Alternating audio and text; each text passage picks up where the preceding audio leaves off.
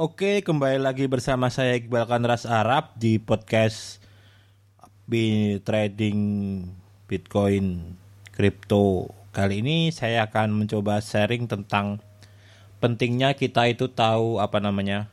Kita tahu tentang pola harga pasar sebuah koin. Jadi kita harus benar-benar memahami pola itu ya teman-teman. Kalau teman-teman bisa tahu itu kemungkinan untuk untuk profit dan menghindari short itu lebih bisa dikendalikan gitu. Jadi teman-teman udah udah tahu polanya gitu loh. Nah, itu bisa teman-teman dapat dengan teman-teman yo mencoba trading sendiri ya atau paling enggak mengamati ya.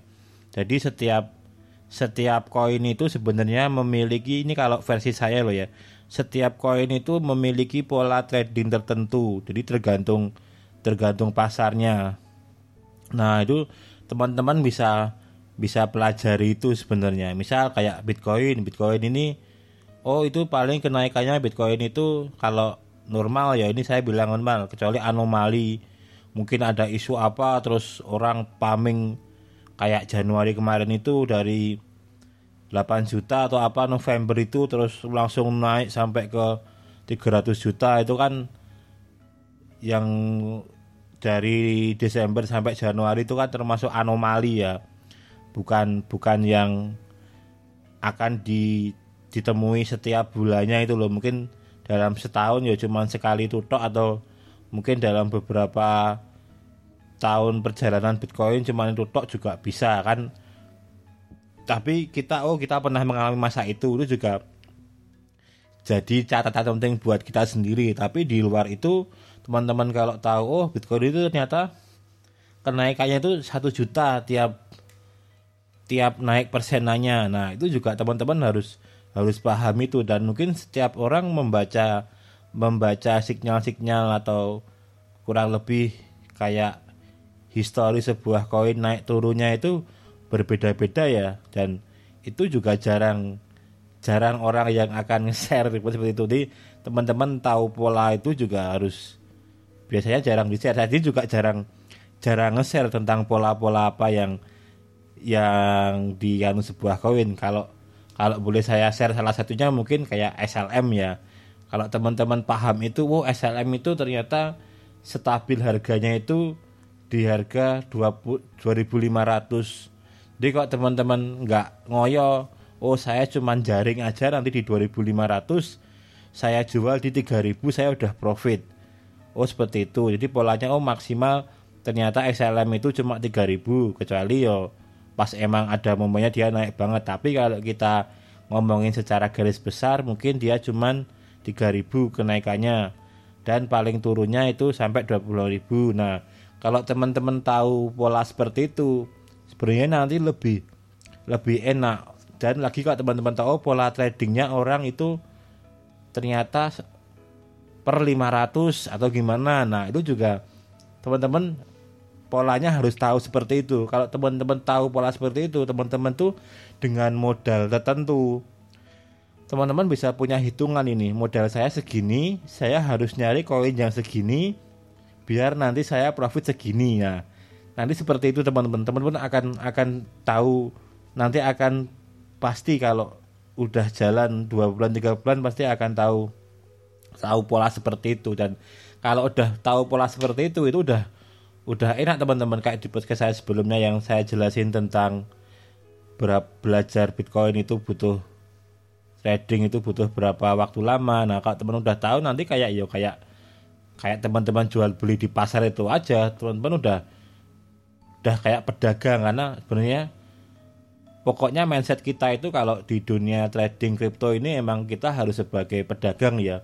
Bukan bukan kayak kita kalau trading forex itu kan kita harus mikir kita itu sebagai investor kan seperti itu. Tapi kalau di dunia trading ini kan kita benar-benar pedagang kan. Gimana caranya jual beli kita tahu harga buat kita jual lagi kan kurang lebih seperti itu. Jadi kalau teman-teman udah benar-benar fasih dan tahu harga itu ya teman-teman kayak pedagang di pasar itu aja teman-teman bakul udah tahu harga sawi itu ternyata paling murah ya seribu per ikatnya.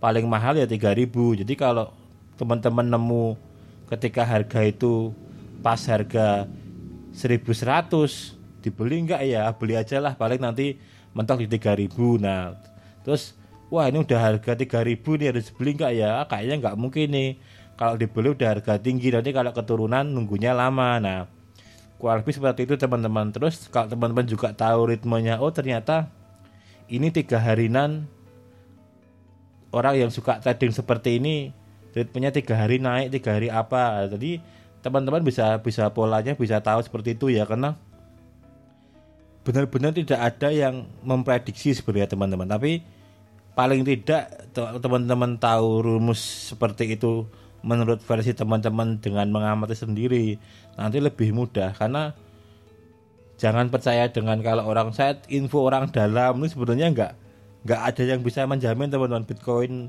dalam satu hari bisa harganya naik atau apa itu jadi anomali-anomali itu benar-benar cuma terjadi dalam waktu-waktu tertentu. Jadi ini karena ini namanya juga pasar bebas.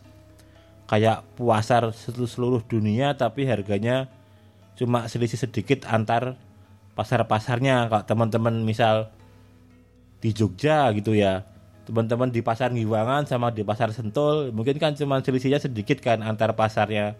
Tapi ada harga harga pokoknya dari dari petaninya atau dari apanya bahwa ya harga standarnya seperti ini tapi cuma naik turunnya kan segitu nah kalau teman-teman paham seperti itu nanti lebih enak teman-teman kalau buat buat trading itu yakin lebih lebih enak. Karena teman-teman bisa bisa wah koin saya cuma mainan koin ini aja karena seperti karena ada beberapa teman saya ya cuman dia fokus di SLM aja dia emang fokus di Bitcoin aja karena dia udah bener-bener ngelotok tahu bahwa pola Bitcoin itu emang seperti ini tradingnya jual belinya. Nah kurang lebih seperti itu. Karena kalau kita tahu pola seperti itu tak ulangi lagi teman-teman. Dengan modal menurut teman-teman berapapun karena menurut saya modal itu relatif ya besar kecil setiap orang itu kan beda-beda. Tapi teman-teman bisa tolak ukur teman-teman menganggap profit seberapa itu besar seberapa kecil itu nanti bisa dimaksimalkan teman-teman. Misal teman-teman modal 10 juta kalau teman-teman beli koin asal yang nggak tahu itu kan ternyata wah kelihatannya kenaikannya gede. Tapi ternyata kalau dikalikan dikalikan dengan modal teman-teman itu nggak seberapa itu tapi ada koin-koin tertentu yang teman-teman modal 10 juta itu beli kenaikannya bisa mungkin profit bisa 300 400 per harinya kan? Seperti itu. Jadi kenapa harus harus paham tentang apa namanya tentang pola pola sebuah koin itu buat seperti teman-teman. Jadi semakin banyak koin itu sebenarnya juga semakin pusing teman-teman. Kalau nggak fokus di koin-koin yang emang teman-teman emang pahami dia ritme ritmenya itu seperti apa harga pasar itu seperti apa. Jadi kalau teman-teman udah tahu itu udah udah enak banget teman-teman. Nanti saya di podcast selanjutnya akan bahas tentang gimana sih caranya bisa profit maksimal dengan modal yang yang ada itu milih koin yang seperti apa aja. Nah itu nanti akan saya coba sharing di podcast selanjutnya ya teman-teman. Oke sekian dulu teman-teman podcast tentang kripto ini tentang gimana pentingnya kita harus tahu tahu histori atau riwayat atau apa tentang koin itu sampai ngelotok.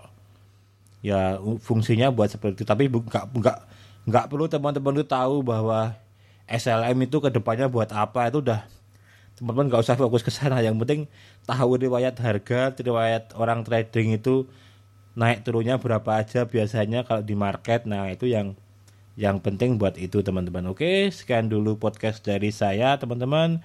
Selamat pagi siang sore buat teman-teman semuanya. Salam profit